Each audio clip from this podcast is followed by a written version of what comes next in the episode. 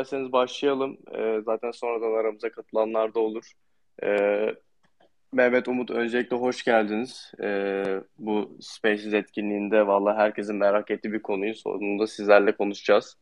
Ee, bu etkinlikte e, merak edenlere şimdiden bir e, fikir vermek adına e, biraz da mevcut yasaların blok zincir dünyasının engelleri hakkında, hukukun blok zinciriyle dönüşümü, akıllı kontratlar hukuku, e, ve yeni hukuk kuralları faaliyetleri üretilme alanında e, sizlerle sohbet ediyor olacağız. Yani bu alanda birçok kişi bu ekosistemde aktif ama iş günün e, hukukuna geldiğinde e, birçok kişinin çok bir bilgisi yok sizin tecrübeniz kadar. O yüzden sizin buradaki bize aktaracağınız e, bu bilgiler bu sohbet anlamında çok değerli olacağını düşünüyorum.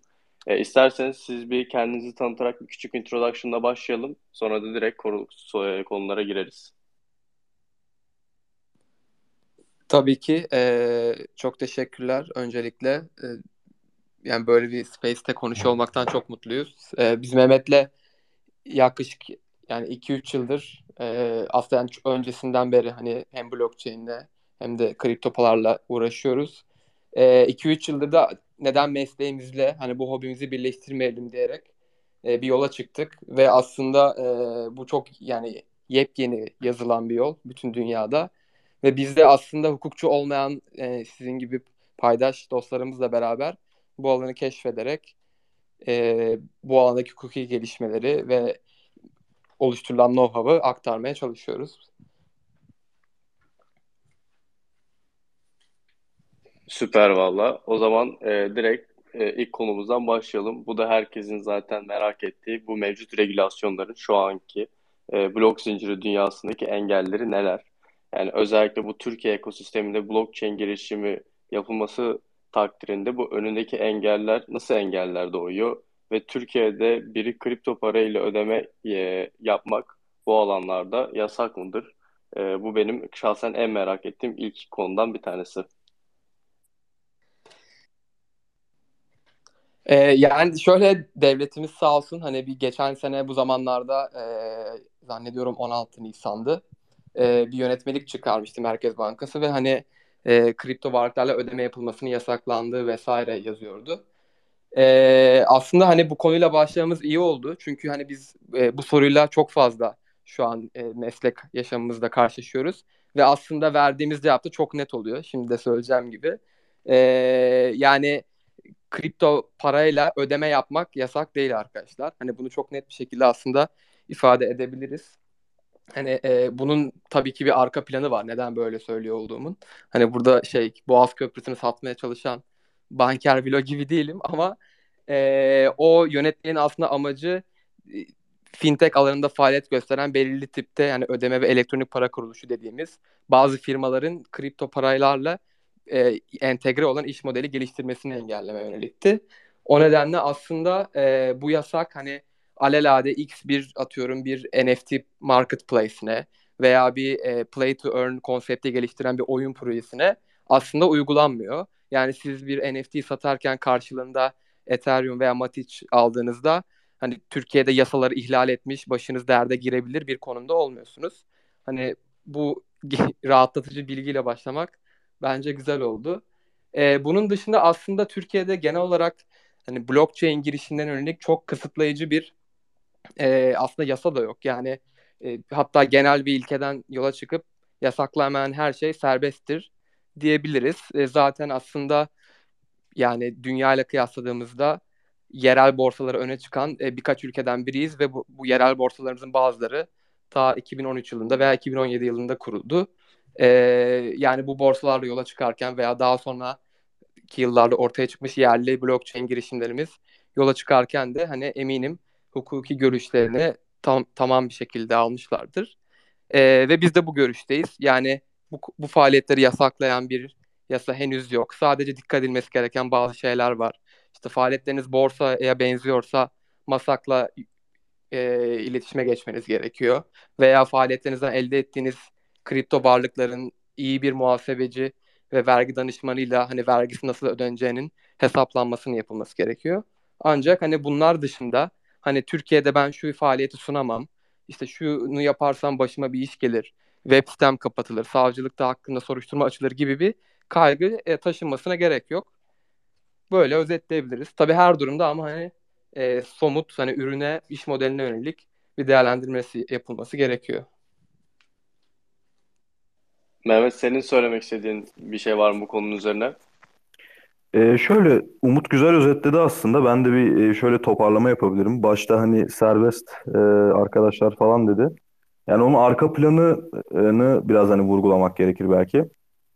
Şimdi orada e, açıkçası e, dediği gibi yani Merkez Bankası'nın yetkisi vasıtasıyla orada bir yasaklama olduğu için yani bizim bu konudaki net görüşümüz şu şekilde. Bu aslında banka ve oradaki aracı ödeme kurumlarının e, kontrol meselesiyle ilgili bir durumdur. Yani e, biraz şey konuşuyorum kusura bakmayın ama e, şuna bağlayacağım olayı. Orada aslında yani normal bireysel kişilerin yaptığı işlemler veya belki de işletmelerin yaptığı işlemler kastedilmemişti. Fakat tabii burada bir e, hani negatif bir hava oluşuyor. Şu an baktığımızda bu alanda faaliyet gösteren yani en azından bunu market edebilen kimseyi göremiyoruz.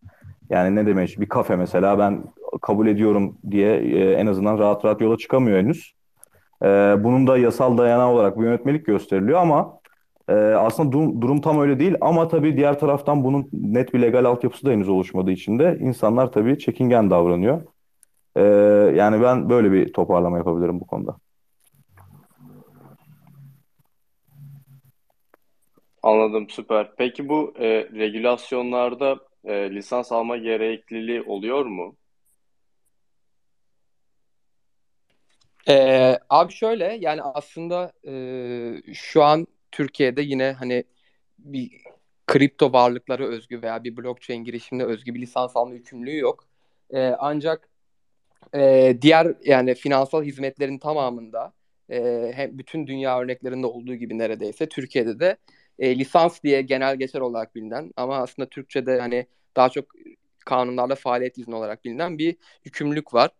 E, bu aslında hani bazı açıkçası hani blockchain girişimi iş modellerinin bir şekilde gri alandan temas ettiği bir durum olabiliyor. Yani sizin ürününüze bağlı olarak siz belki bir e, işte hisse senedi ihraç etmeye benzer hani onu yap yapıyorsunuz demiyorum ama ona benzer bir konumda olabiliyorsunuz veya bazen e, elektronik para olarak diye bilinen bir kavram var. E, buna benzer bir faaliyette bulunuyor olabiliyorsunuz.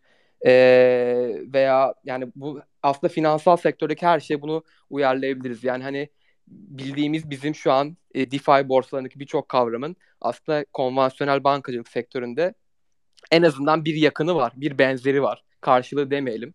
Hani o konuda bazı şeylerin aslında farklı bir felsefe taşıdığını biz de farkındayız. Ama bu yakını olduğu için e, hani demin de Mehmet söyleme söylediği şey hani o o alandaydı aslında. E, bir gri alanda kalıyorsunuz ve bu size bir risk soru işareti yaratıyor, bir risk faktörü yaratıyor. E, şu an dünyada e, bazı kripto varlık hizmetlerini de lisansa tabi tutmaya çalışan ülkeler var. Bu konuda taslak yazan veya işte e, en azından bazı hazırlık dokümanları hazırlayan e, devletler var. Yani devletlerin ilgili kurumları veya meclisleri. İşte Avrupa Birliği'nde genel bir GDPR'a benzer bütün Avrupa Birliği'ni kapsayacak bir MiCA yönetmelik taslağı konuşuluyor. E, bun, yani lisanslama yükümlülüğünde başında aslında merkezi borsalar hedefleniyor.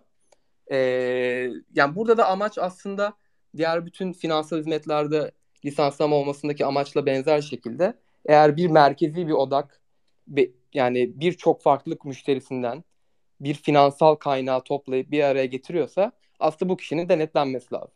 Yani e, bu kişi paraları arıp bir yere kaçmasın diye. Hatta bu kadar kötü niyetli olmasa bile e, sahip olduğu riski doğru yönetmesi için doğru yatırımları mı yapıyor mu diye bir şekilde hani gözetim altında hem bağımsız deneticiler hem devletin ilgili kurumları tarafından denetim altında olması lazım.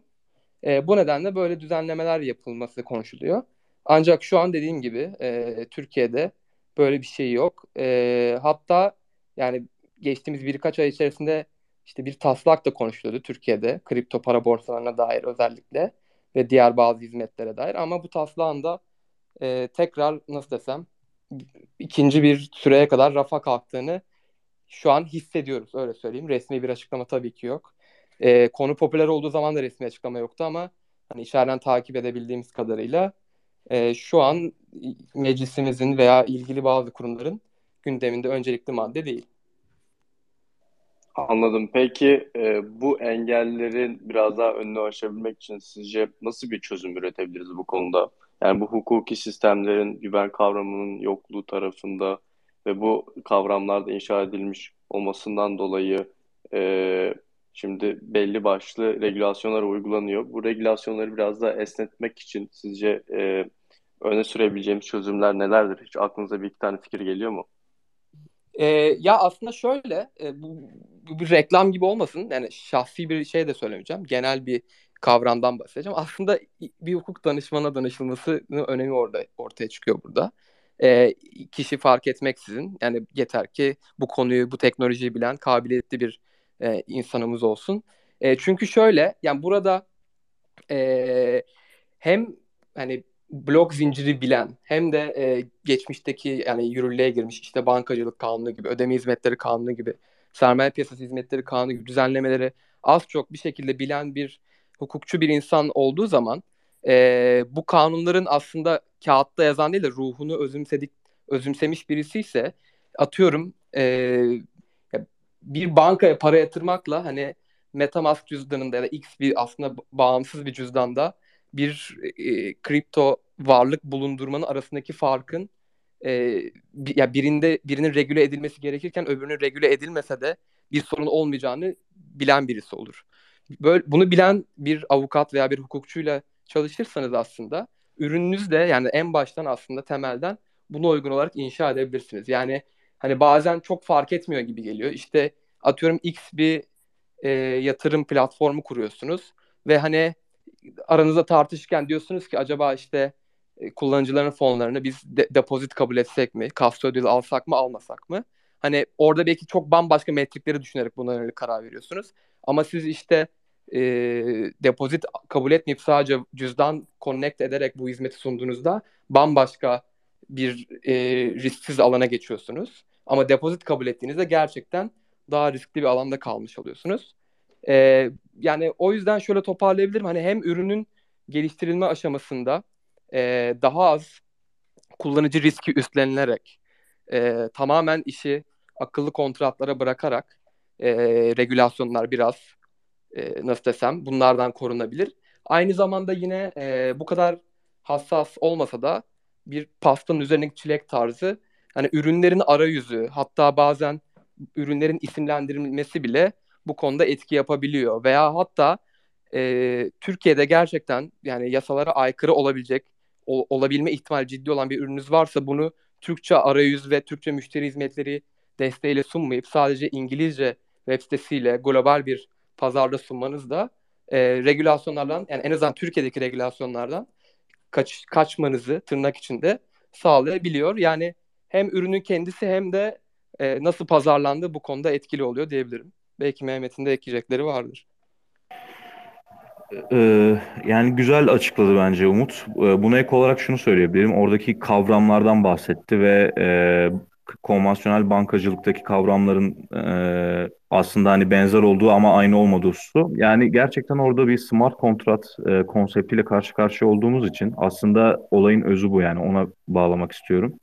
Şu an aslında bizim ülkemizde de aynı şekilde, dünyada da aynı şekilde bu konsept oturtulmaya çalışılıyor. Yani bugün baktığımızda birkaç e, ünlü dava da açıldı bununla ilgili. İşte burada sorumluluk developerlarda mı, geliştiricilerde mi olmalı yoksa e, bir şekilde ilişkili görünen şirkette mi olmalı gibi. E, bunlar gerçekten yeni yeni belirleniyor ve aslında e, faaliyet alanı fark etmeksizin yani bu bir DeFi de olsa başka bir şey de olsa aslında herkesi ilgilendiren bir e, yola girdi şu an. Çünkü yani Amerika'daki e, süreç ve sonuç bir, öyle veya böyle dünyanın gidişatını belirleyecektir. En azından yani öyle düşünüyorum ben.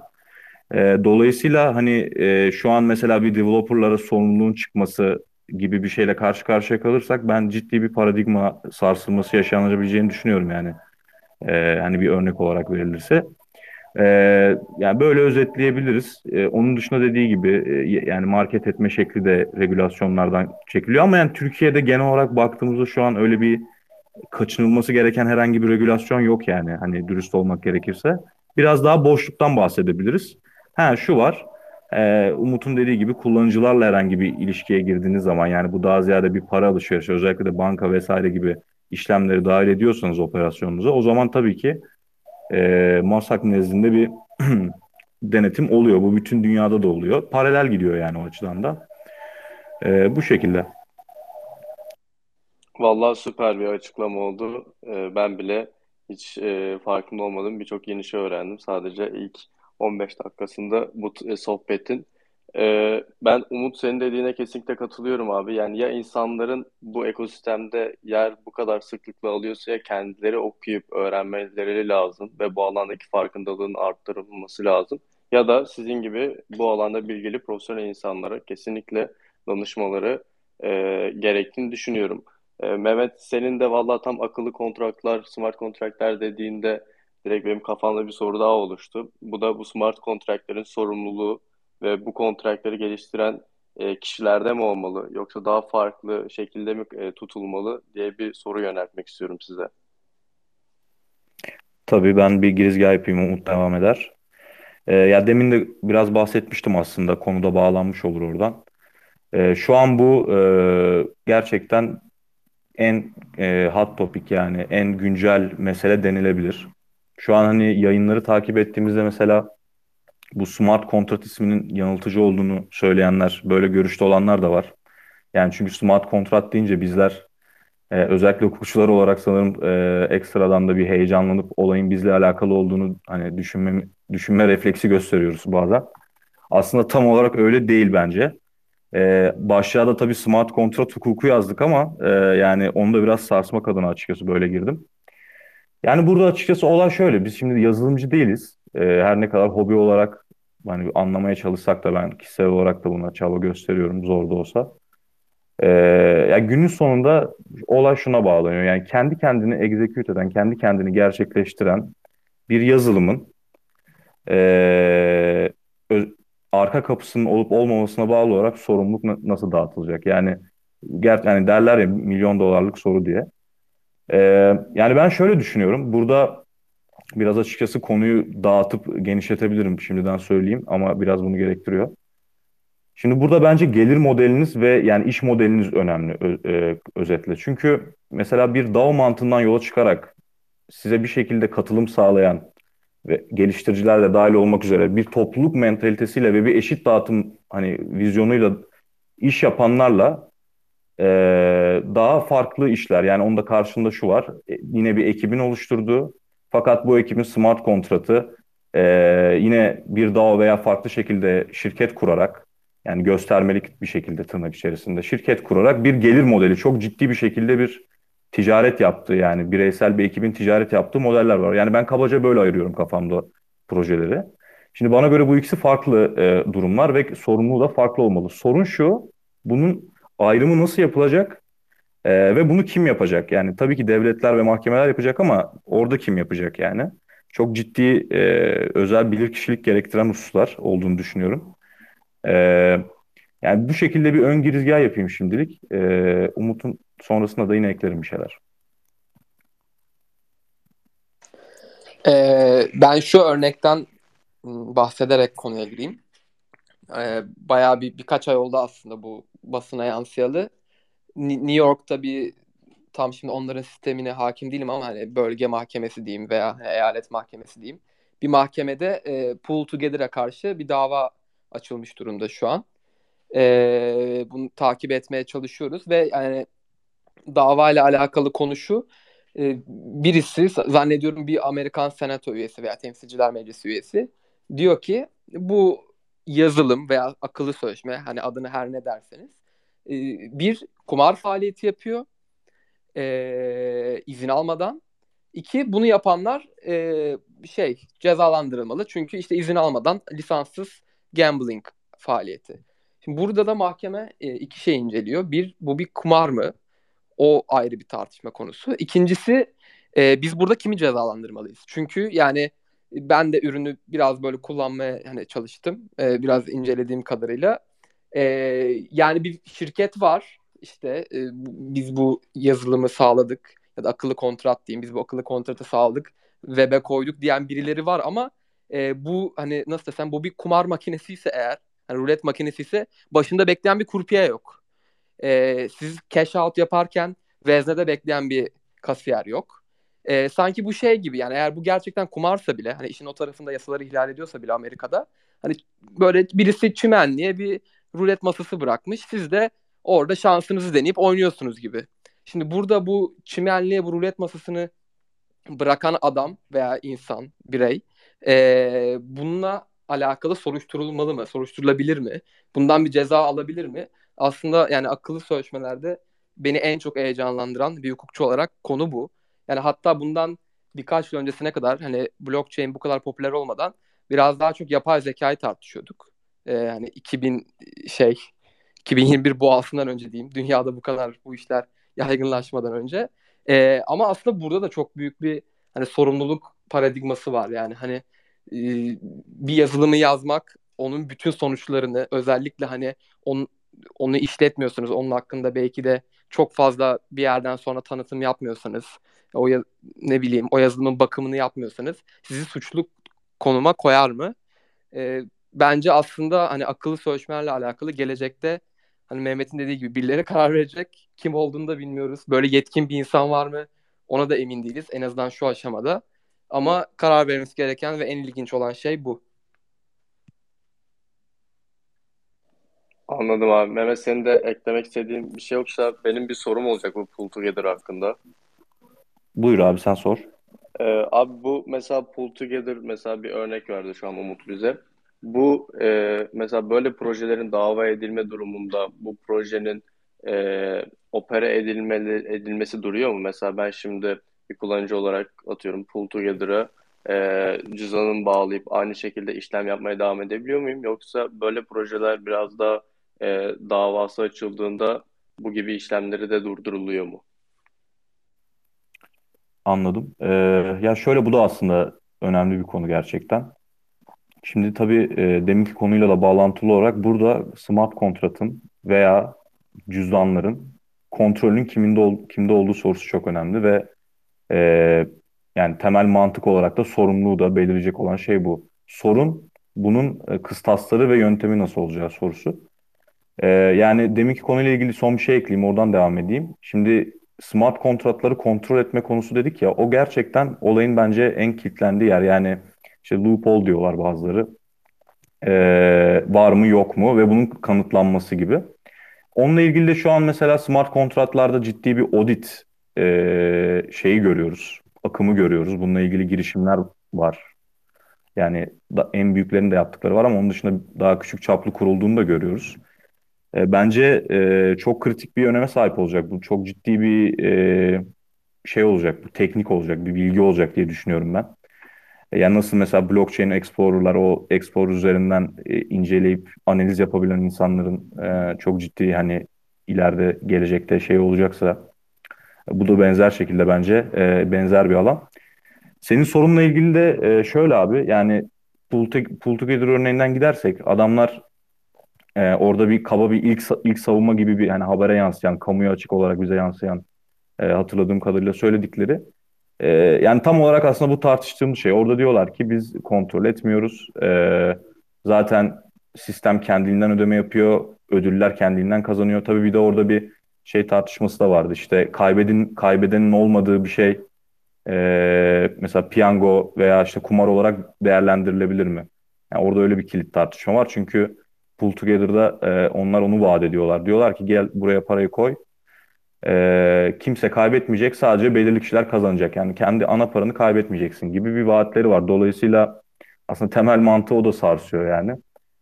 E, yani şimdilik bunlar geldi aklıma. E, bilmiyorum cevaplayabildim mi sorunu? Abi bence yeteri kadar e, cevaplayabildin. E, Tabii, bu arada tamam. e, Umut sana da topu paslamadan önce e, bir istek gelmiş e, herhalde konuşmak için. Bir şimdiden bir e, duyuru geçeyim. Bu istekleri e, biz etkinliğimizin sonunda sizi yukarı soru sormak için alacağım, alacak, alacağız. E, o yüzden kafanızda bir soru varsa bu konular hakkında lütfen bir kenara not alın. E, etkinliğimizin sonunda sizin merak ettiğiniz soruları da cevaplıyor olacağız.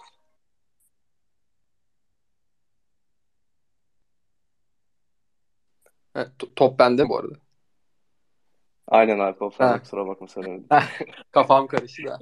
Ee, yani şöyle hani Mehmet bu konuyu güzel özetledi. Ee, yani hani çok daha hani belki somut daha detaylı böyle hani işin e, felsefesinde değil de hani yarın ne olur at- o- oluru söylemek açısından hani şunu belki ekleyebilirim.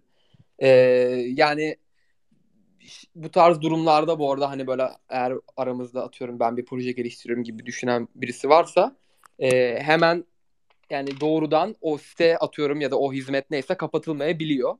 Ama kapatılabiliyor. Bunun gerçekten ne yazık ki bir cevabı yok. Yani mesela Türkiye'de böyle bir şey olsa belki atıyorum gerçekten Türkiye'deki regülasyonları bir şekilde delen bir şey yaptınız ve bundan rahatsız olundu. Ee, şey kararı verilebilir yani hani atıyorum savcılık der ki veya ilgili mahkeme dava bitene kadar bu sitenin erişime engellenmesine. Ha tabii yani 2022 yılında site engelletmek ne kadar efektif? Bu tamamen tartış ayrı bir tartışma konusu. Ama belki yani sizin marketinginizi e, genel olarak yani markanızın bilinirliğini, itibarını, piyasadaki yükselişinize ket vuran bir şey olabilir. E, ama onun dışında yani ben genel olarak hatta bazen hani yani danışmanlık verdiğimiz insanlara bile bunu son noktada söylüyoruz. Yani bu e, alanda açıkçası bir şeyler yapmak isteyen insanlar, girişimciler, e, geliştiriciler e, bir yerde bir risk faktörü olduğunda kabul etmek zorunda şu anlamda. E, yani ben bazen hani jungle'a benzetiyorum açıkçası. E, içinde bulunduğumuz bu ekosistemi son 4-5 yıldır. E, ya tamam hani işte işin çok tekniğinde demin de söyledik hani şu an yasaklayan bir şey yok. Çok böyle kıyısından etkileyen bazı düzenlemeler var. Ama e, hem hukuki hem de hukuki olmayan açılarda açıkçası biraz böyle bazen de orman kanunlarının işlediği bir yer olabiliyor.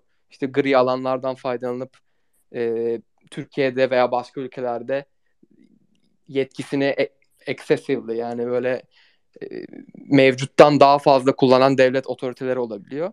E, bu nedenle hani e, yüksek risk, yüksek getiri iş modeli var. E, bunu da bilmek lazım bence. Ee, ben bir bir şey daha ekleyeceğim. Demin unuttuğumu fark ettim. Bu e, kapatılma ile ilgili o açıdan çok e, bence önemli bir gelişme var. Bu son dönemde savaştan sonra takip edenler olmuştur. Ee, MetaMask do- dondurdu e, gerçekten. Yani Rus belli hesaplara ilişkin dondurabileceğini iletti. Bence o da çok ciddi bir kırılım oldu. Bilmiyorum görmüşsünüzdür birçoğunuz diye düşünüyorum. Yani onun için kontrol olayına dönmek istiyorum. Yani o gerçekten mesela MetaMask'e ben ilk e, açtığımda hatırlıyorum. Hani gerçekten buraya kimse dokunamayacak falan diye düşünüyordum yani yakın bir zamana kadar hatta. E, ama işte onu da geliştiren grup var Consensus yanlış bilmiyorsam. Mesela onların da çok ciddi kontrol sahibi olduğu ortaya çıktı ve hani Amerika'da e, yönetimin bir şekilde tamam belki bir Rusya savaşı çok ekstrem bir örnekti ama öyle veya böyle dondurduklarını gördük. E, dolayısıyla e, yani ben şöyle yorumluyorum. Genel bir yorum yapıp bitireyim. Şu an bence şöyle bir geçiş dönemindeyiz merkeziyetsizliğin konseptini herkes bir şekilde görüyor, duyuyor.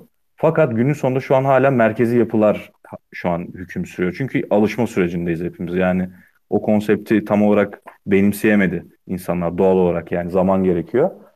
Dolayısıyla merkeziyetsiz görünüp merkezi olanlar bir yerden sonra e, ayrılacaklardır diye düşünüyorum piyasadan. Çünkü insanlar tercih etmeyecektir. Gerçekten işin ruhuna uygun, e, güvenliğini kanıtlamış, güven veren merkeziyetsiz yapılar burada çok öne çıkacaktır diye ben öngörüyorum. Evet katılıyorum ben de kesinlikle.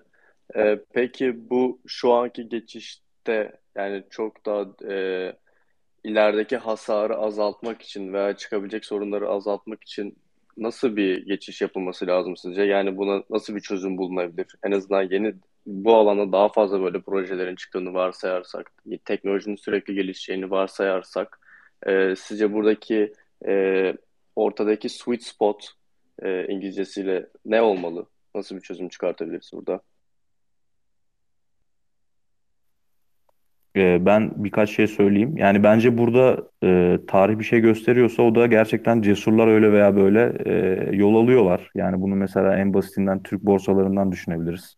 Ortada hiçbir şey yokken girdiler ve e, hani bir tabir var real politik işler diye. Bence bu konuda öyle. Bugün Türkiye'de 20 milyon kişiden fazla e, bireysel olarak yani kripto para cüzdan sahibi olduğu söyleniyor bazı endüstri raporlarında. e, ado hani adoption, adaptasyon devam ettiği sürece, insanlar bu işe girdiği sürece kendiliğinden oluşacak. Yani ben biraz bu hani Bitcoin'in de e, kendini gerçekleştiren kehanet e, muhabbetleri var ya. Bunu da öyle görüyorum yani.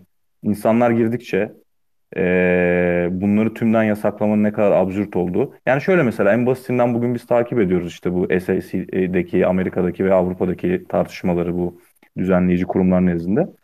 E, yani bence bir 2-3 yıla hatta belki 2 yıl öncesi hayal edilemeyecek şeyler bugün yaşanıyor. E, bazılarının farkındayız. Bazıları hani insan olduğumuz için normalleştiriyoruz yani. Çok şey garip gelmiyor ama yani bugün ne bileyim mesela New York meydanında ya da borsasının önünde e, yani 2-3 yıl önce çok hayal edemeyeceğimiz şeyler oluyor.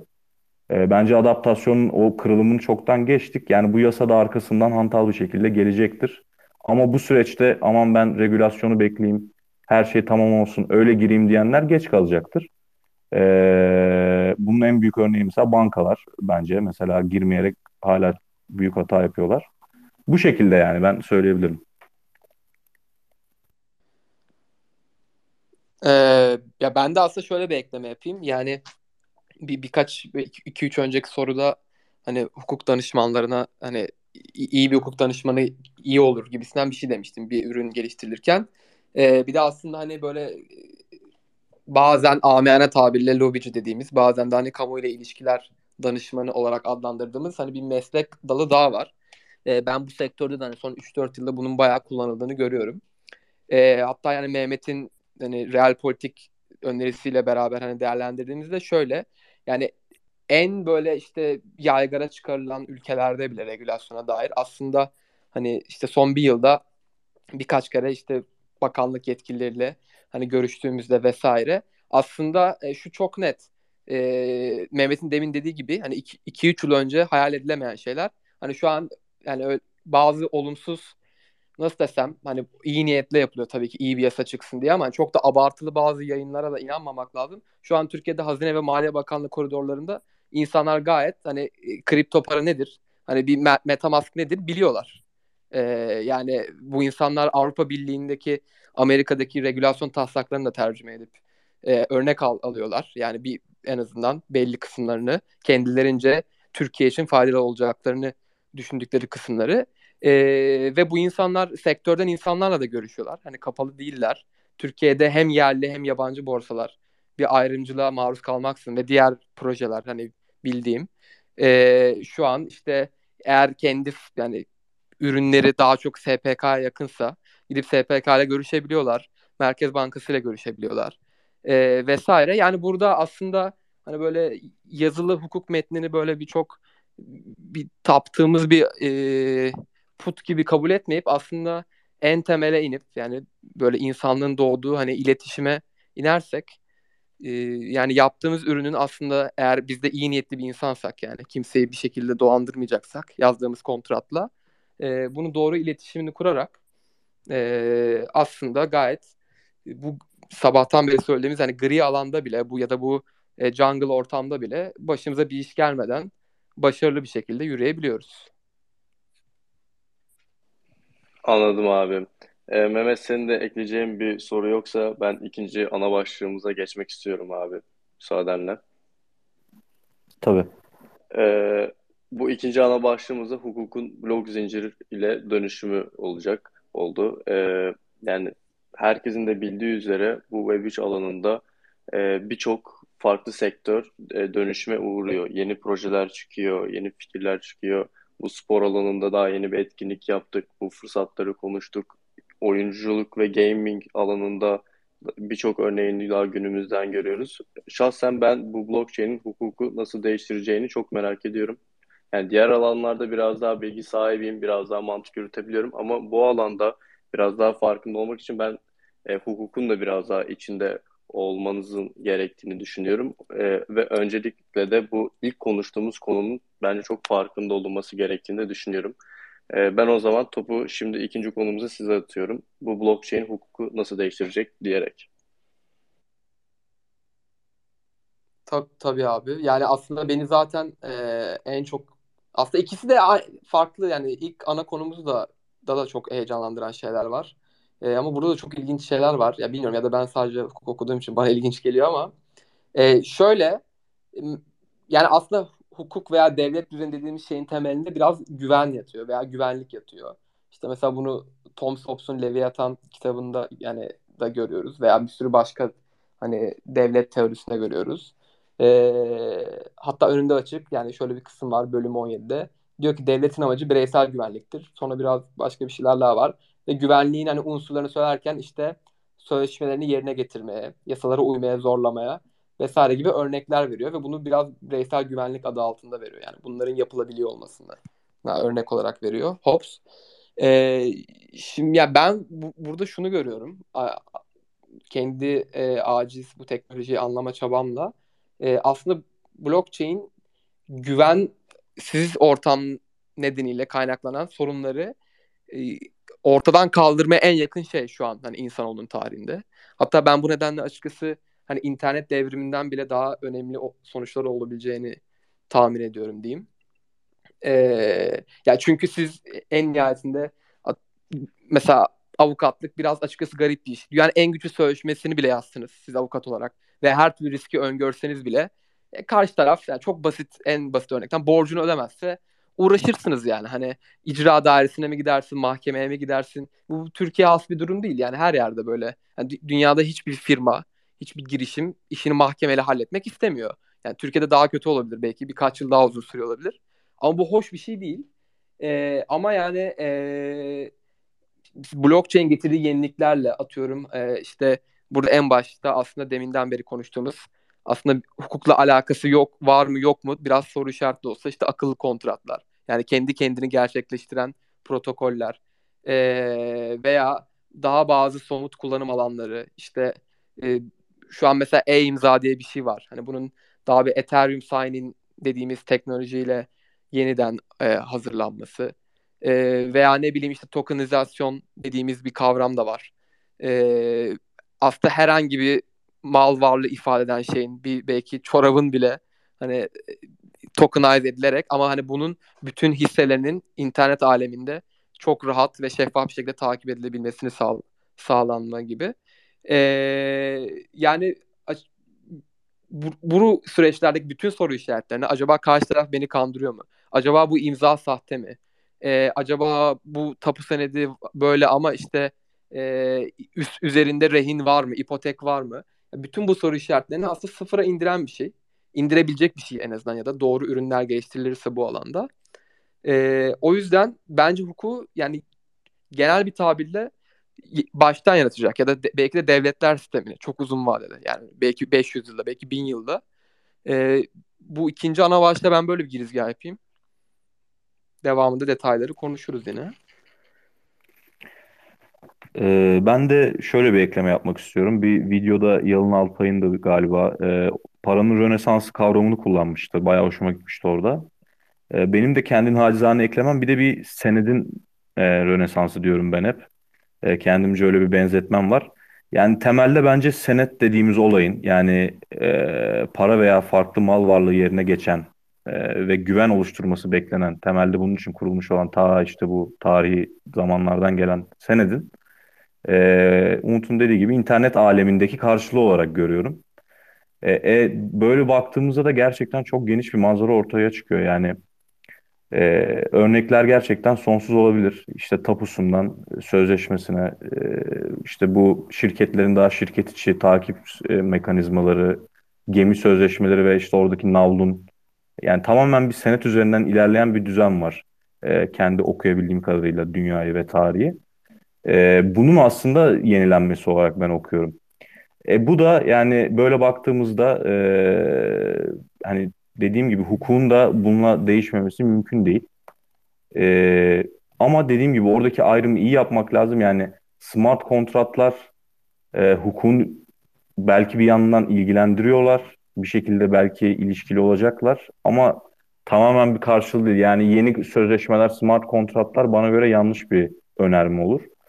Ee, onun haricinde de söyleyebileceğim yani dediğim gibi bu senet mantığını hani dinleyen arkadaşlarım da düşünmesini rica ederim. Ee, bu, e, bence olayın özüne inmek için iyi bir bakış açısı bu nacizane olarak.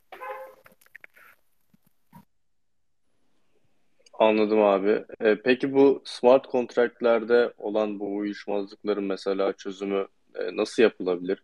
Yani mesela akıllı kontratlarda ilgili bir durumda dava açabilecek miyim ben? Ee, ya bu konuda aslında çok iyi bir girişim var. Kleros isminde. Ee, kendilerine böyle biraz blockchain tahkimi gibi bir slogan kullanıyorlar. Ee, Mehmet daha hakim buna. Yani istiyorsa o girsin. Benim mikrofonuma çıktı bu arada ama. Yani şöyle e, firma reklamı gibi olmasın burada da alakasız ama e, yani Hiçbir alakamız yok bu arada yani. Bile değil. evet garip oldu. E, ya şöyle biz takip ediyorduk hani bu bizim alanımızla ilgili ne gibi projeler var falan oradan denk geldik. E, son ak- akıbetini de bilmiyorum bu arada ama hani temel mantıkta ilgi çekecek olan şeyleri söyleyebilirim. E, mantıkları şu e, var olan ve bunlarla uyumlu olacak. Tabii onların detaylarına yüzde yüz hakim değilim. İşte atıyorum hangi ağda Ethereum'u mu kabul ediyorlar, hangi chainlerle uyumlular emin değilim. Ama özetle var olan smart kontratları veya yeni oluşacak smart kontratlara e, hukukta tahkim maddesi eklermiş gibi benzer mantıkta bir kod ekleyerek bu e, smart kontratın hani bir nevi dediği gibi arbitration tahkimini e, kendi sistemi üzerinden yapmayı hedefliyorlar.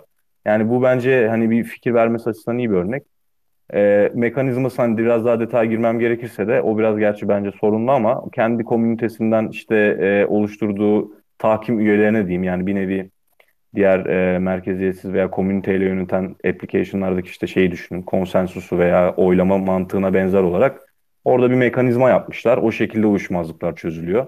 E, ve oradan çıkan sonuç smart kontrata apply ediyor tabii yani en önemlisi. E, en önemli kısmı bu. O şekilde bir mekanizma yapmışlar. E, yani buna mesela benzer uygulamalar, bundan daha iyi uygulamalar e, bence bu konuda bir fark yaratacaktır. E, şu an var olan haliyle blockchain'ler e, bu konuda yeni bir şey getirmiyor yani temel anlamda ama dediğim gibi diğer birçok alanda olduğu gibi bunların üzerinde çalışılacak olan uygulamalar e, belki yeni şeylere gebe olabilir. Ee, ben bir de demin şey e, Mehmet senetlerden bahsetti. Aslında ben, benden sonra konuştuğu için hani araya girmedim ama hani yani şöyle aslında ne kadar şimdi bizi dinleyen insanların gözünde senet deyince somut olarak canlandı bilmiyorum. Yani ben hukuk öğrencisiyken senet ne, kıymetli evrak ne demek falan mezun olduktan sonra öğrenmiştim ciddiyim. O yüzden hani birkaç tane hani örnek vermek de istedim. Yani yine beni etkileyen örnekler. Senet bu arada aslında üzerinde imza alan her şey neredeyse senet diyebiliriz. Yani böyle açıklanmaz teknik olarak tabii ki ama şu an hukuk dışında konuşuyorum. Ee, yani mesela şu an e, işte biraz da pandemiden sonra her şey dijitalleştiği için hani iki şirket birbiriyle iş yaparken, birbirine hizmet satarken vesaire her şey DocuSign'la imzalanmaya başladı. Ee, yani burada buna maruz kalmış, yani tecrübe etmiş insanlar da olabilir. Yani mesela DocuSign hani arkadaşlar e, dünyanın en basit sahtesi yapılabilen hani hiçbir kimlik doğrulaması olmayan ee, gayet ben böyle Photoshop'ta 5 dakikada falan yaparım. Yani size 9 tane imzalanmış bir sözleşme yani. Hani başka birinin başka bir PDF'deki imzasını alıp oraya yapıştırır vesaire. Kimse de çok ayrıntılı bir inceleme olmadan anlamaz. Ama mesela bunun işte ee, yani private yani özel anahtarı sadece bir kullanıcı tarafından bilinen bir cüzdanla hani Ethereum Sign'in denilen teknoloji yapılarak imzalanması veya işte bence çok vizyonsuz bir örnek ama bunun böyle kullanımı elbet olacaktır. İşte mesela etkinlik biletlerinde hep ne yazar arkada? Eskiden kağıt bilet satılırken işte ikinci el satışı yasaktır. Kara borsa yasağı vardır vesaire. E, hatta bununla ilgili işte bir elektronik bilet düzenlemesi olmuştu futbolda falan. Şimdi yani bu biletlerin NFT ile satışa yapılarak e, bu konu çok teknik bilgiye sahip değilim. Hani NFT'nin tekrar resell, redevredilmesi, engellenmesi mümkünse e, yani kes for sure yani kesinlikle mümkünse mesela bunun önüne geçilebilir. Yani siz Galatasaray Fenerbahçe maçına satacağım diye bilet alıp gerçekten eğer maça gitmeyecekseniz elinizde patlayabilir. Ee, yine keza mesela geçen hafta ben Barcelona'da e, bir kaza geçirdim ve işte cüzdanımı vesaire çaldırdım. İşte bütün kimlik sürücü belgelerim. Mesela Türkiye e-devlet teknolojilerine çok gelişmiş bir ülke ben açıkçası e, kimliğimizin, ehliyetimizin vesaire hani çipli olması bile çok büyük bir yenilikken hani bir NFT teknolojisiyle PDF kim oluşturulmuş bir yani PDF gibi görünen bir kimlikle sağa sola gire, girmeye başlayacağımız günleri çok uzak görmüyorum. E, yani kısaca aslında en başta söylediğim gibi yani hani olası güven risklerini azaltacak ve dijitalleşmeyi hızlandıracak hukuk tarafında da. Evet, kesinlikle e, çok doğru tespitler bunlar. Peki mesela senetlere sen bir parmak basmışken e, yani bu senetlerde mesela DocuSign'le işte sen dedin bazı fake e, PDF'ler çok kolay oluşturulabiliyor. Bu fake PDF'lerin oluşturulma ve insanların bu e, alanda işte yanlış insanlarla e, işlem yapmasının sebebinde o zaman bu alanda hiçbir hukuki faaliyet e, düzenleyemez karşı taraf değil mi? Yani burada demeye çalıştığım biraz daha bir güvence insana da sunmuyor. Biraz daha decentralized olduğu için. Böyle bir eksisi de var. Tam anlamadım abi sorunu. Yani sen bu DocuSign kısmında bu DocuSign'ların çok kolay e, PDF'te yapılabileceğini söylemiştin ya. Hı hı. Yani sen bile yapabilirsin demiştin. Burada e, olası bir fraudda e, karşı tarafı e, hedgeleyen bir sistemde yok şu an değil mi diyorum. E, ya benim bildiğim yok e-imza teknolojisi. Yani daha şöyle bir e-imza e, aslında yasal elektronik imza var Türkiye'de ve Avrupa Birliği'nde de bu kullanılıyor. E, kimlik doğrulama sonucunda alınan bir e-imza. Ondan ondan bahsetmiyorum. E, orada mesela bir USB cihaz veriyorlar size donanım. Aslında bu bizim bildiğimiz e, soğuk cüzdanlara benziyor bayağı. E, onu çaldırmadığınız sürece bir dokümanı elektronik olarak imzalayabilirsiniz bir sözleşmeyi veya bir dava dilekçesini bile ki yapıyoruz. Ama hani ben orada bir örnek olarak verdim sadece. Hani şu an işte bazı e, online sözleşme imzalama veya işte sertifika imzalama girişimleri var. Ya bunların blok zincir tabanı olmadan bence bir güvenlik sağlamıyorlar. Onu demeye çalışmıştım ben. Hani isimlere de takılmayalım. Hani DocuSign bana dava açmasın. ee, yani hatta cidden DocuSign ürünü yanlış biliyor olabilirim. Hani belki onlar biraz daha güvenlik önlemleri içeriyordur. Benim söylemeye çalıştığım şey aslında yani blockchain teknolojisinden ya, kullanılarak hani eşi benzeri olmayan bir senet üretmenin e, yani bu daha blockchain kullanılmadan mümkün olmadı benim görüşüm e, ve yani anladığım kadarıyla. E, o yüzden hani senetlerin benzersizliğini ve orijinalliğini sağlama konusunda e, çok büyük bir yol kat edeceğiz. Açıkçası. Anladım. Evet kesinlikle katılıyorum. Ee, bir de sen önceden de bu her şeyin tokenizasyonunlaşması konusunda bir parmak basmıştın ya. O tarafı da biraz daha konuşabilir miyiz? Benim de çünkü çok merak ettiğim bir konu ve aynı zamanda da böyle günümüzde şu an her şeyin böyle bir NFT haline dönmesine veya token haline gelmesini görebiliyoruz.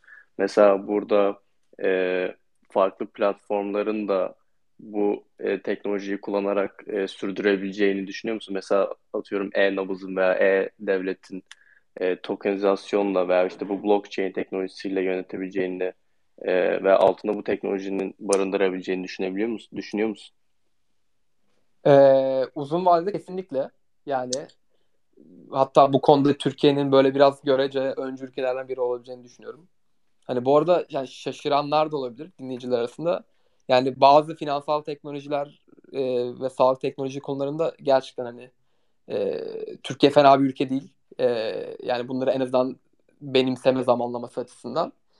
E, ya kesinlikle olacak. Hani burada hukukla etkisi olarak yani bazı yasaların belki değişmesi gerekebilir. Mesela özellikle ev gayrimenkul tarafında e, yani hukukta aslında merasime tabi sözleşmeler var. Merasim derken bayağı bildiğiniz tören. Şimdi siz tapuya git yani bir evi almak için tapu dairesine gitmeniz lazım veya evi satmak veya evinin üzerine bir ipotek kurmak için vesaire. Bu bayağı merasimdir. Orada tapu memurunun size soracağı sorular bellidir. Evlilik de böyledir hatta. Ee, yani burada tabii onun bir merasime tabi olması sebebi işin ciddiyeti, gerçekten fraudun olmasının neredeyse imkansız kılınması e, işte orada yüz yüze olmak vesaire veya çok ciddi bir vekaletname vermiş olmanız lazım. Kendiniz gidemiyorsanız tapuya. E, ama hani atıyorum bir gayrimenkulün tokenizasyonu dediğimizde e, şu an aslında e, yani bu konuda ilgili yasalar değişmezse çok güvenli bir uygulama olmaz değişmeden. Çünkü e, siz atıyorum bir şekilde tokenize edilmiş bir inşaat projesinin milyonda bir aslında pay sahibi gibi bir şey oluyorsunuz bir yerde. Eğer hani atıyorum o inşaat projesinin kira gelirlerine hak kazanan bir token aldıysanız. E, ama bu yani tapuda kaydedilmediği sürece e, bunu yarın öbür gün eğer o kira gelirini alamazsanız bir yerde mahkemede iddia edemeyebilirsiniz. Ha, belki demin söylediğimiz Kleros entegre edilmiştir. Bu token'ı geliştiren smart contracts vesaire. E, ama hani bir şu an bir geçiş döneminde olduğumuz için e, bazı durumlara dair hani haklar hani bir tok, token'la sembolize ediliyorsa bile e, bununla ilgili bazı yasal değişikliklerin yapılması gerekiyor olabilir. Onu da söylemek istedim. Burada en büyük örnekte demin dediğim gibi gayrimenkul hukuku. Ee, buna ek olarak şeyi söyleyebiliriz. NFT de benzer bir durumda aslında. Yani herkes NFT ticareti yapıyor ama bunu e, bir hani gerçekten marka tescili anlamında şu an için en azından e, bir şeyi yok, yolu yok. Ama e, gördüğümüz, takip ettiğimiz kadarıyla işte bu e, uluslararası bunun e, sorumlu olduğu kurum hani diye WIPO, e, WIPO dediğimiz or oralarda çok ciddi şu an raporlar falan yazılıyor. Muhtemelen ona ilişkin bir sistem de gelecektir. Yani günün sonunda bir sanatı satın alan, e, sanat eserini satın alan e, bir kişinin bunu e, hakkında bir yerde tescil etmesi gerekir. Aksi halde e, yani NFT'de şu an öyle bir şey var açıkçası. Boşluk var. Yani birçoğunuz zaten farkındasınızdır. Ama bunun yani e, çözülmeme ihtimalini sorarsanız ben yüzde bir bile demem. Yani çok çok yakın gelecekte ben bunda da bir gelişme bekliyorum. Yani blockchain üzerinde gerçekleşmiş işlemin Valpo nezdinde de tescili gibi. Evet, yani zaten bu konuşurduk, konuştuklarımızdan e, benim de yola çıktığım kadarıyla bu alanlarda yeni hukuk kuralları ve faaliyetler kesinlikle üretilecek. E, başka nasıl kurallar ve faaliyetler üretebileceğini düşünüyorsunuz? Ee, yani aslında bir, bir kısmını demin yani bir saattir konuşuyoruz. Ee, zaten e, kavramlar hep bir yerde birbirine değiyor. Ee, yani işte akıllı sözleşmelerin aslında sorumluluğu. Mesela şu an hukukçu olmayanların bilemey bilmeyebileceği bir örnek verebilirim.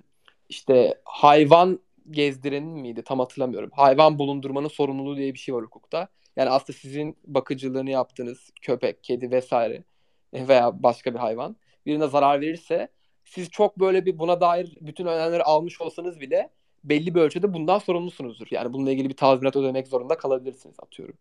E, çünkü o hayvan sizin gözetiminiz altındadır. E, mesela buna dair e, akıllı kontrat developerlarına yönelik hani bunu kötü bir haber veriyor gibi olmayayım. Henüz böyle bir şey yok ama ileride olabilir. Böyle şeyler olabilir.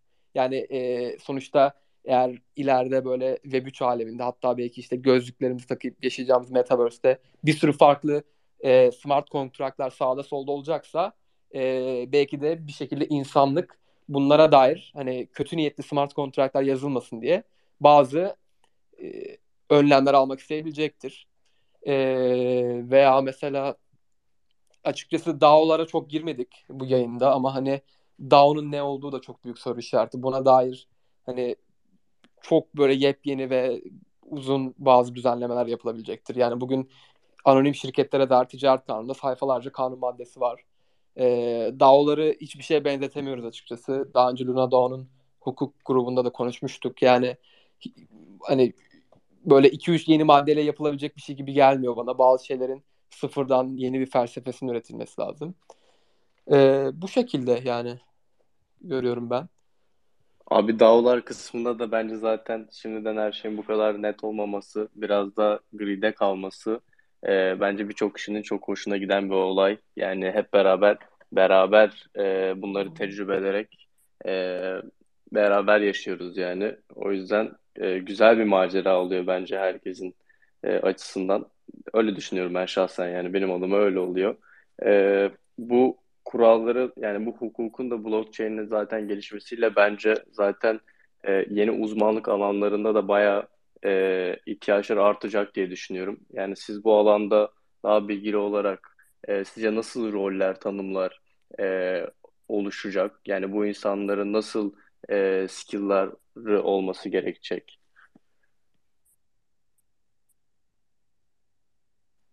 Ee, yani demin biraz Mehmet girdi galiba konuya. Hani şey hatta yani dahil olabilir. Hani bir akıllı sözleşmelerin hani belki hani demin de hatta ben de şey dedim. Hani bunda geliştiricilerine dair bazı kurallar olabilir. bunların sertifikasyonu da olabilir gibi geliyor bana. Veya hani bunların denetleyicileri mesela şu an bayağı hani çok böyle geleneksel bir şeyden örnek vereceğim. Hani denetimci diye bir meslek var. İşte bunlar dört büyük şirkette çalışıyor biliyorsunuz. Ee, çok reklam yaptık artık daha fazla yapmayalım. Böyle Maslak'ta Levent ofisi olan dört büyük şirket. Hani mesela bunları belki buralarda çalışan veya buna benzer başka firmalar veya DAO'lar diyeyim e, akıllı sözleşmeleri denetleyecekler. Veya bunlara sertifika verecekler. Diyecekler ki bu akıllı sözleşme şu şu işte fonksiyonları yapmaya yapabilir. Buna muktedirdir gibi hani e, böyle bir açıkçası yeni meslek alanı veya rol diyebileceğimiz bir şey geliyor benim aklıma. Anladım abi süper. Ee, Mehmet senin de eklemek istediğin e, bir konu yoksa veya Umut senin de başka konuşmak istediğin e, bence kesinlikle aklında soru oluşan insanlar olmuştur dinleyicilerimizden. E, ben derim ki etkinliği bitirmeden önce birkaç soru alalım. Tabii. Memnuniyetle. Ee, o zaman etkinliğin başından beri zaten bir istek var. Ee, o kişinin ben hemen sorusunu alıyorum yukarı çıkartıp.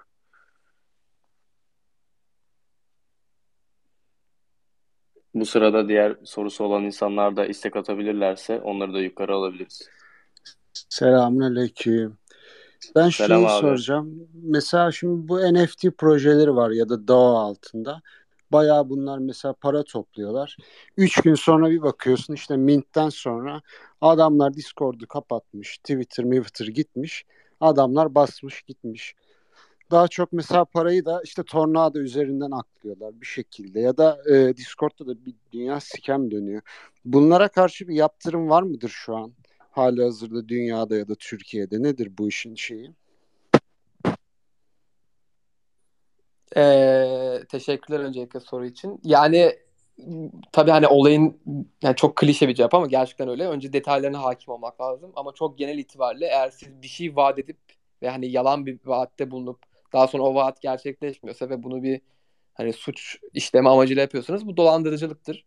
Ya bunu açıkçası e, gerek evrakta sahtecilikle yapın, gerek birine yüz yalan söyleyerek yapın veya e, bir Discord grubu kurup insanlara e, işte ben şöyle bir NFT projesi yapacağım deyip sonra altlarından halıyı çekerseniz bu da bir dolandırıcı türü olabilir.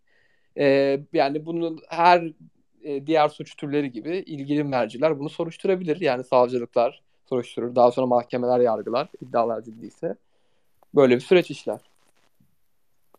Ben Anladım. de şöyle bir ekleme yapayım e, abi istersen öncesinde. Daha sen somuttaki durumu sordun anladığım kadarıyla. E, şöyle abi şimdi orada öncelikle hani NFT ticareti yapılırken e, herhangi bir şey imzala, imzalayıp imzalamadığınız önemli. E, ve hani hiçbir şey imzalanmıyorsa mümkünse çok bulaşmamak e, önemli olacaktır. Hani bu genel kural olarak bir şey imzalasak bile bunun e, şeyi nasıl olur? takibi nasıl olur dersen orada çok ciddi boşluk var. Biz bir birkaç tane tecrübe ettik bunun gibi olmasa da buna benzer olaylar. Yani şu an e, şöyle bilgiler verebilirim. Mesela şaşırtıcı olarak emniyet güçleri bazı e, yani bu sektörde bazı e, analiz firmalarının falan farkında. Yani chain analizi yapabiliyor yapan firmalara ulaşabiliyorlar mesela. E, dolayısıyla hani NFT özelinde de eğer elinizde o e, kontrat vesaire o sayfalar vesaire olursa bir başlangıç noktası olabilir. Orada da e, temel itibariyle mantık şu bir yazı gönderiliyor. E, emniyetten yazıla, yazdırırsanız onu e, çevrilip tercüme edilerek gönderiliyor. Mesela bu TETER olabilir. Tabii burada merkezi bir kurum olması karşı tarafta çok önemli. Hani biz her ne kadar e, şeyi savunsak da burada karşımıza çıkıyor. Dolayısıyla hani bunun üzerinden birkaç takip yöntemi var. E, ama dediğim gibi hani nasıl yaptınız, ne şekilde girdiğiniz, firmanın karşınızda bir şirket mi vardı? Bir muhatap var mıydı? Bunlara göre değişir. Anladım. Teşekkürler. Ya bunlar daha çok genelde işte 3-4 kişi birleşip kendilerine team diyorlar. Ee, karşılığında zaten gerçek hesapları da açık değil. Yani e, docs dediğimiz kavram zaten yok çoğu projede. E, aslında yani zaten NFT vaat ediyorlar ve sonunda NFT alınıyor. Herkes NFT'ye sahip oluyor ancak alındığı fiyattan yani bu floor dediğimiz price acayip aşağı düşüyor. E, roadmap'te bir dünya şey yazılıyor işte e, token çıkaracağız. Şurada şurada şey yapacağız, eventler yapacağız falan ama iki ay geçiyor, üç ay geçiyor. Hiçbir şey yok. Zaten Discord'dan tüymüş adamlar. Biraz da öyle bir sistem yani. Şimdi bu NFT'de bu rug pull dediğimiz olaya dönüştü çoğu proje. Evet anladım. Yani e, abi de, yani sen de mevzuya hakimsin gördüğüm kadarıyla. E, ya zaten o dehlizlerde o işlere girmek yani çok riskli, aşırı riskli. Yani şeyi de soruyorsan hukuken somut hiçbir güvencen çoğunlukla olmaz. Eğer proje çok sağlam, çok güvenilir, işte kurum belli, şirket belli, kurulduğu yer belli falan değilse e, yani olağanüstü bir riskle karşı karşıyayız. Dediğim gibi bu NFT'lerin tescil edildiği bir yer falan da yok bir şeyi yok, muhatabı yok. Ee, bu hani girenler de bunu aslında bir nevi bilmeden de olsa e, kabul ederek giriyor bence. Evet, katılıyorum ben de. Ee, Nurcan Hanım sizin bir sorunuz olacaktı. Sizi isterseniz alalım. Evet, e, merhaba, çok teşekkürler. E, biraz kafam karıştı aslında. Hmm, ben senaristim, prodüktörüm ve film ithalatçısıyım. Sinema filmi ithalatçısıyım. 5846 nolu o, telif hukuku yasa, yasasını herhalde 50 kere okumuşumdur. E, birinci sorum şu, e, mevcut NFT'ler üzerinden ülkemizde e, 5846'ya istinaden herhangi açılan bir dava var mı? Siz gençsiniz ve aktifsiniz. E, böyle bir dava var mı? Bunu sormak istiyorum. Bir. İki, Kleros'u biliyorum inceledim ama e, Türkiye hukuku e, e, kurulurken e, İngiliz Anglo-Sakson hukuku ve İsviçre hukuku e, incelenerek derleme daha çok İsviçre hukuku e, gözetilerek bir hukuk oluşturulmuş. E, blockchain düzleminde nasıl bir uluslararası hukuka ulaşabiliriz? Üçüncü sorumda çok soru soruyorum ama ben şu anda e, tamamen e, bizim sektörümüzü ilgilendiren bir proje üzerinde çalışıyorum. Söylediğiniz bir cümle çok ilgimi çekti. E, hem lokalde hem uluslararası çalışabilecek bir şey. E, tamamen İngilizce yaparsam gri bölgelerde Metamask'la işlemleri yapabilir miyim? Bunun altını tekrar çizmenizi rica ediyorum. Teşekkürler. Rica, rica ederiz. Ee, Şöyle baştan ben başlayayım hani hatırlayabildiğim kadarıyla. NFT davası yakın zamanda bununla ilgili bir duyum aldık yani ne tesadüf. Ee, bir, bir dava açıldığının e, içeriğini bilmiyoruz. E, fakat deneysel olacaktır.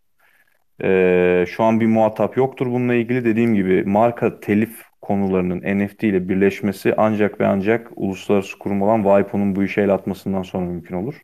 İşin o taraftaki realitesi o. Ama tabii böyle e, sosyal medyayı ve genel medyada haber olabilecek davalar olacaktır. E, hani sonuç çıkar mı derseniz bence zor. E, sizin projenizle ilgili olarak da şöyle şimdi Kleros'ta daha doğrusu önce ona gireyim. Kleros'ta bir hukuk yaratma gibi bir iddia yok. Tamamen bir uyuşmazlık çözmek e, ve bunu da sadece e, akıllı kontratlar nezdinde yapmak e, gibi bir iddiaları var. Hani tabii sizin tam projenizi anlayamadım ama e, yani Türkiye'de yaparsam güvencesi olur mu onu soruyorsanız e, teknik olarak çok ciddi kendinize güvenlik önlemleri alabilirsiniz. E, bunun hani işte hırsızlığı, dolandırıcılığına karşı önlemler alınabilirsiniz, teknik önlemler ama hani ben bunları tescil edebilir miyim derseniz şu an edemezsiniz. Bunun hakkını hukuken üzerinize alamazsınız yani eğer o projeniz tabii tam bilmeden soruyorum ama hani tahmin ederek e, öyle söyleyebilirim ben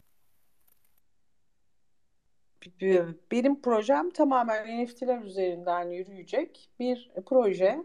Bir tarafta NFT'ler üretilecek, bir tarafta da e, NFT'leri satın alacak insanlar.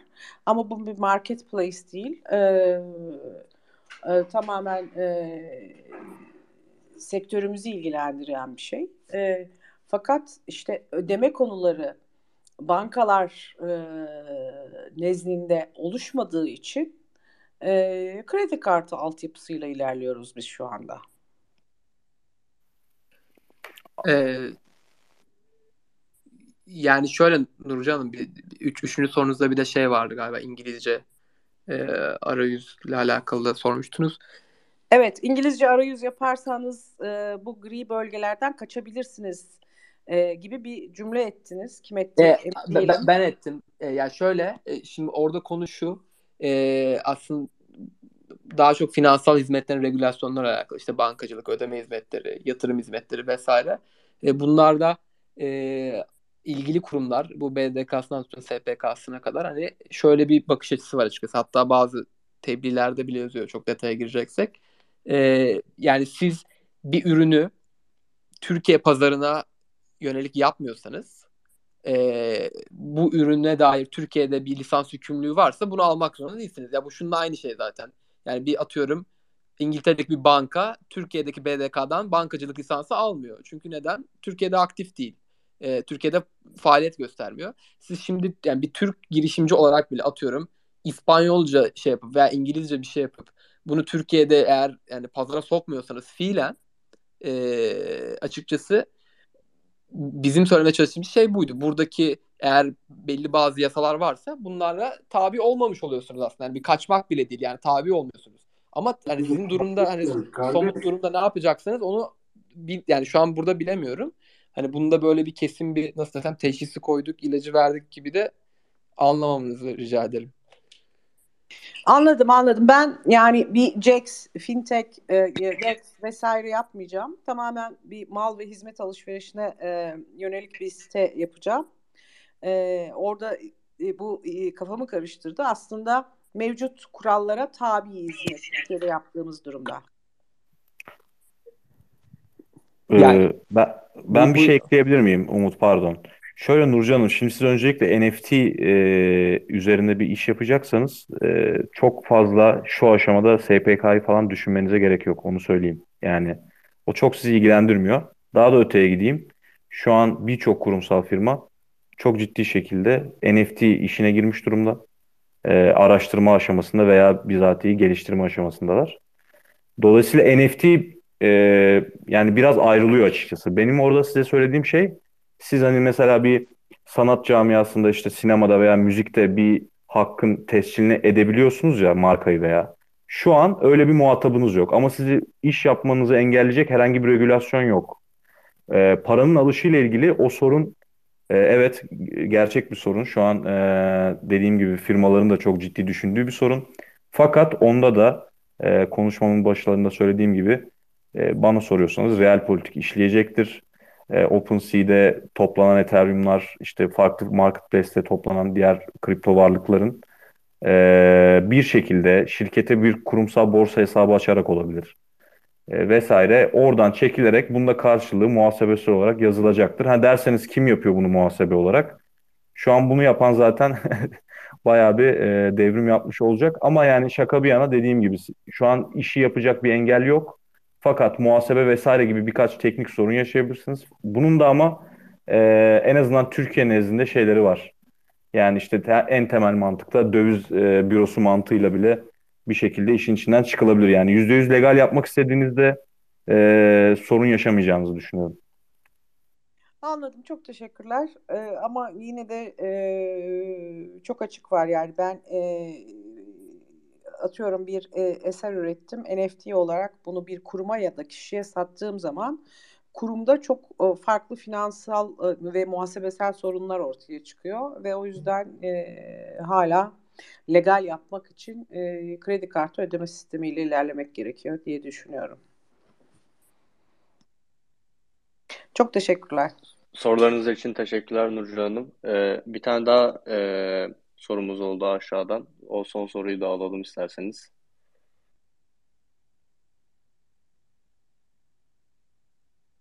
Ee, Bera Hanım. Ee, o... Merhaba. Merhaba. Sesim geliyor mu acaba? Geliyor. Ee, öncelikle teşekkür ediyorum. Ee, güzel bir yayın oldu benim için de. Ee, az önceki beyefendi şey söylemişti. Ben ona istinaden de bir şey söylemek istiyorum.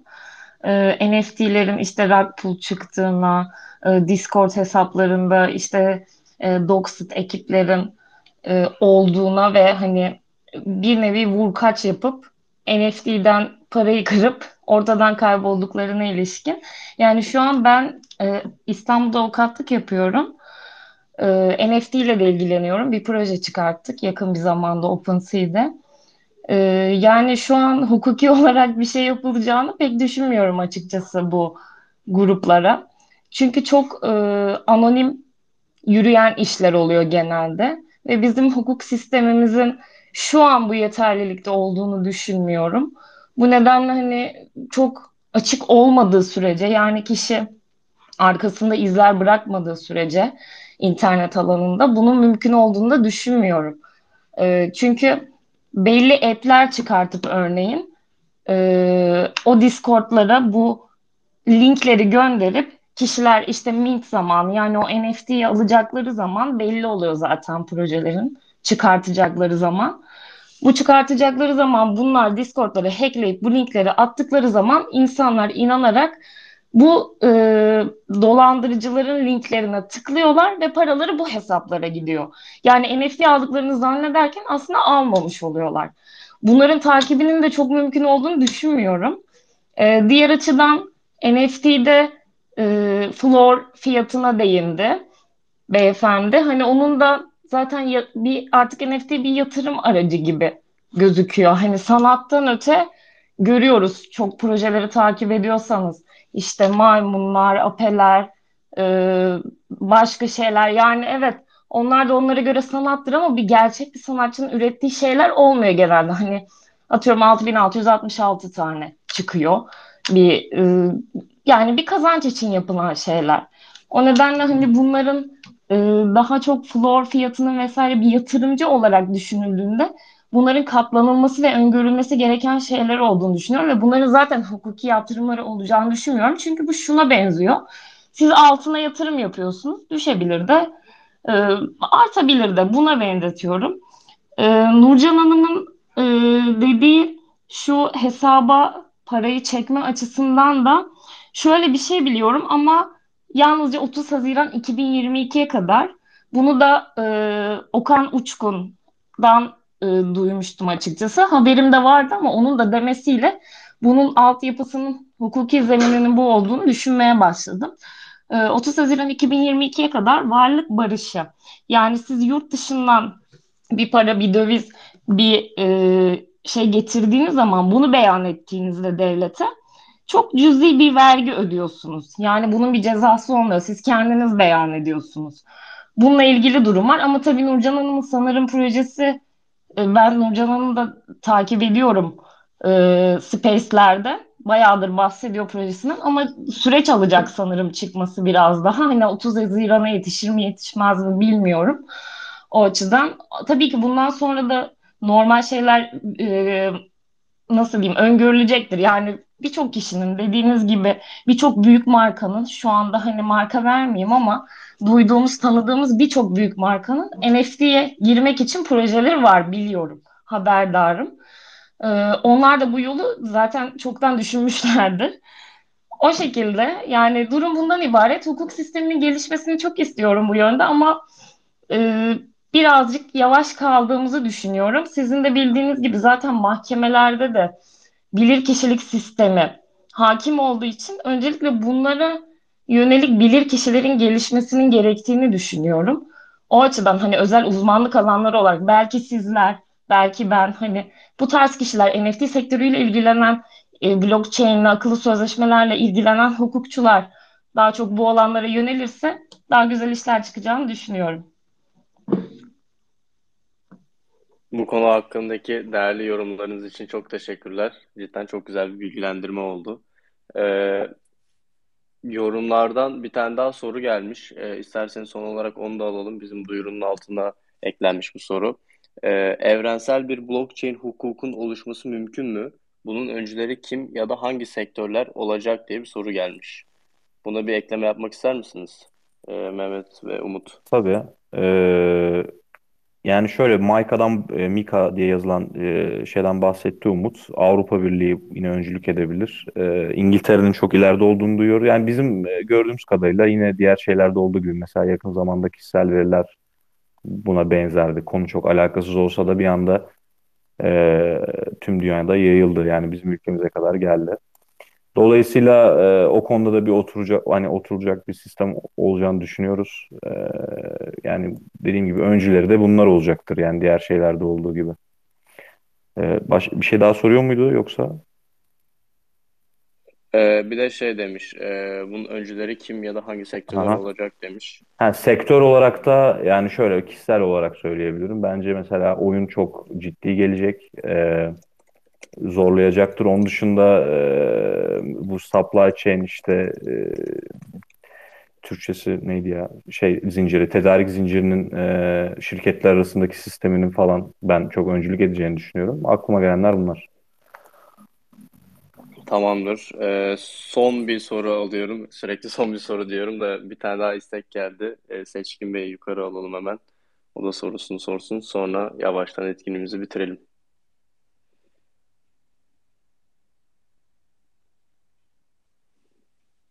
Seçkin Bey merhabalar. Merhaba. Ya şey ben e, ya biraz da soracaktım da Nurcan'ın kafasına takılan şeyi biraz daha net anladığımı düşünüyorum da varlık barışı sanırım onun işini çözmez de şöyle e, Nurcan'ın bir ürün sattığı zaman mesela bir prodüksiyon firmasına o prodüksiyon firmasının e, NFT'yi alabilmesini isterler. Ama banka kanalı mesela bankalar neden bu işe girmez diye sorarsanız bankada e, resmi kurumlardan yazı alır. Der ki e, şu tarihte şu para transferi yapılmış. Bunun muhteviyatında ürünü almadığını düşünüyor müşteri. Siz bunu nasıl yaptınız, ne yaptınız, ne oldu, ne bitti diye bize yani bankalara sorar. Dolayısıyla e, anonim bir ortamda yani bir kişiyle e, hukuki bir işlemi bağlayamadığınız anda iş orada kopuyor bence. Dolayısıyla en önce çözülmesi gereken bu blok zincir işlerinde e, dijital kimlik diye düşünüyorum. Yani dijital kimlikle bir insanın kim olduğunu, o işlemden sorumlu tutulmasının elzem olduğu düşüncesindeyim. Ondan sonra hukuki regülasyon kurulacak. Ondan sonra da ödeme aracı olarak sanırım kullanılabilir. Ee, katılıyorum Seçkin Bey genel olarak. Ee, benzer düşünüyorum. Şöyle ki e, aslında her şeyin bir kanadı var ama anonimlik söz konusu dediğiniz gibi. Yani bir şekilde bankaların o e, uyumluluğunu sağlayacağını ben düşünüyorum. Bir şekilde e, KYC süreçlerinin ya da dediğiniz gibi kişisel e, kimliğin yani şöyle beyana bağlı olacaktır bu işler. Bütün blockchain'deki anonimiteyi bitiremezsiniz ama e, siz bu NFT ticaretini yasal yoldan vergisel vergilerini ödeyerek ve e, faturasını keserek tabiri caizse yapmak isteyenler için e, böyle bir yöntem olacağı da aşikar bence. Tercih edenler böyle yapacaktır güvenceyi almak için. Yani şu an hali hazırda yok ama yani e, deminki konuyla ilgili de dediğim gibi e, bir onu şey yapmak lazım yani detaylı. Çünkü firmalar tamam kimden geldiğini kabul etmiyor da hani mal karşılığı daha doğrusu hizmet karşılığı veya mal karşılığı e, paranın geldiğini de bir şekilde ben gösterilebileceğini düşünüyorum. Tabii iyi niyette gerekiyor yani bankanın da kabul etmeye meyilli olması gerekir. Ona katılıyorum tabii. Ee, süper. Ee, çok teşekkürler yorumlarınız için. Ee, çok keyifli bir etkinlik oldu. Katılanlara çok teşekkür ederim. Ee, özellikle Mehmet Umut bize çok güzel bilgiler e, verdiniz. Cidden benim kendi e, açımdan bile bu alandaki farkındalığım çok arttı. Ee, tekrardan çok teşekkürler. Biz teşekkür ederiz. Çok keyifliydi. Ee, ara ara bence böyle updateleşme sohbetleri yapabiliriz. Bence de kesinlikle yapabiliriz. Ee, bu arada e, bizim de Airtable'dan bir dinleyici anketimiz e, oluşturduk. Bu dinleyici anketimize e, yukarıdaki pin tweetlerden ulaşabilirsiniz. E, sizin de e, yorumlarınız bizim için çok önemli. E, bu alanda daha fazla sizin gibi de bilgili olan insanları biz kendi Discord kanalımızda görmekten çok mutlu oluruz. E, orada bu tip e, konuşmalar, bu tür sohbetler çok oluyor. E, bizim de amacımız zaten bu alandaki farkındalığı arttırıp insanların biraz daha gözünü açmak. Ee, tekrardan çok teşekkürler. Ayrıca e, Discord kanalımızda da 10 dakika sonra bilgi yarışması olacak. Ee, herkese orada görmek istiyoruz. Buradan sonra oraya geçelim. Tekrardan çok teşekkürler herkese. Görüşmek üzere. Görüşmek üzere. Çok sağ ol Jeff. Çok sağ ol Umut. Çok sağ ol Mehmet. İyi akşamlar diliyorum herkese. Discord'da görüşürüz.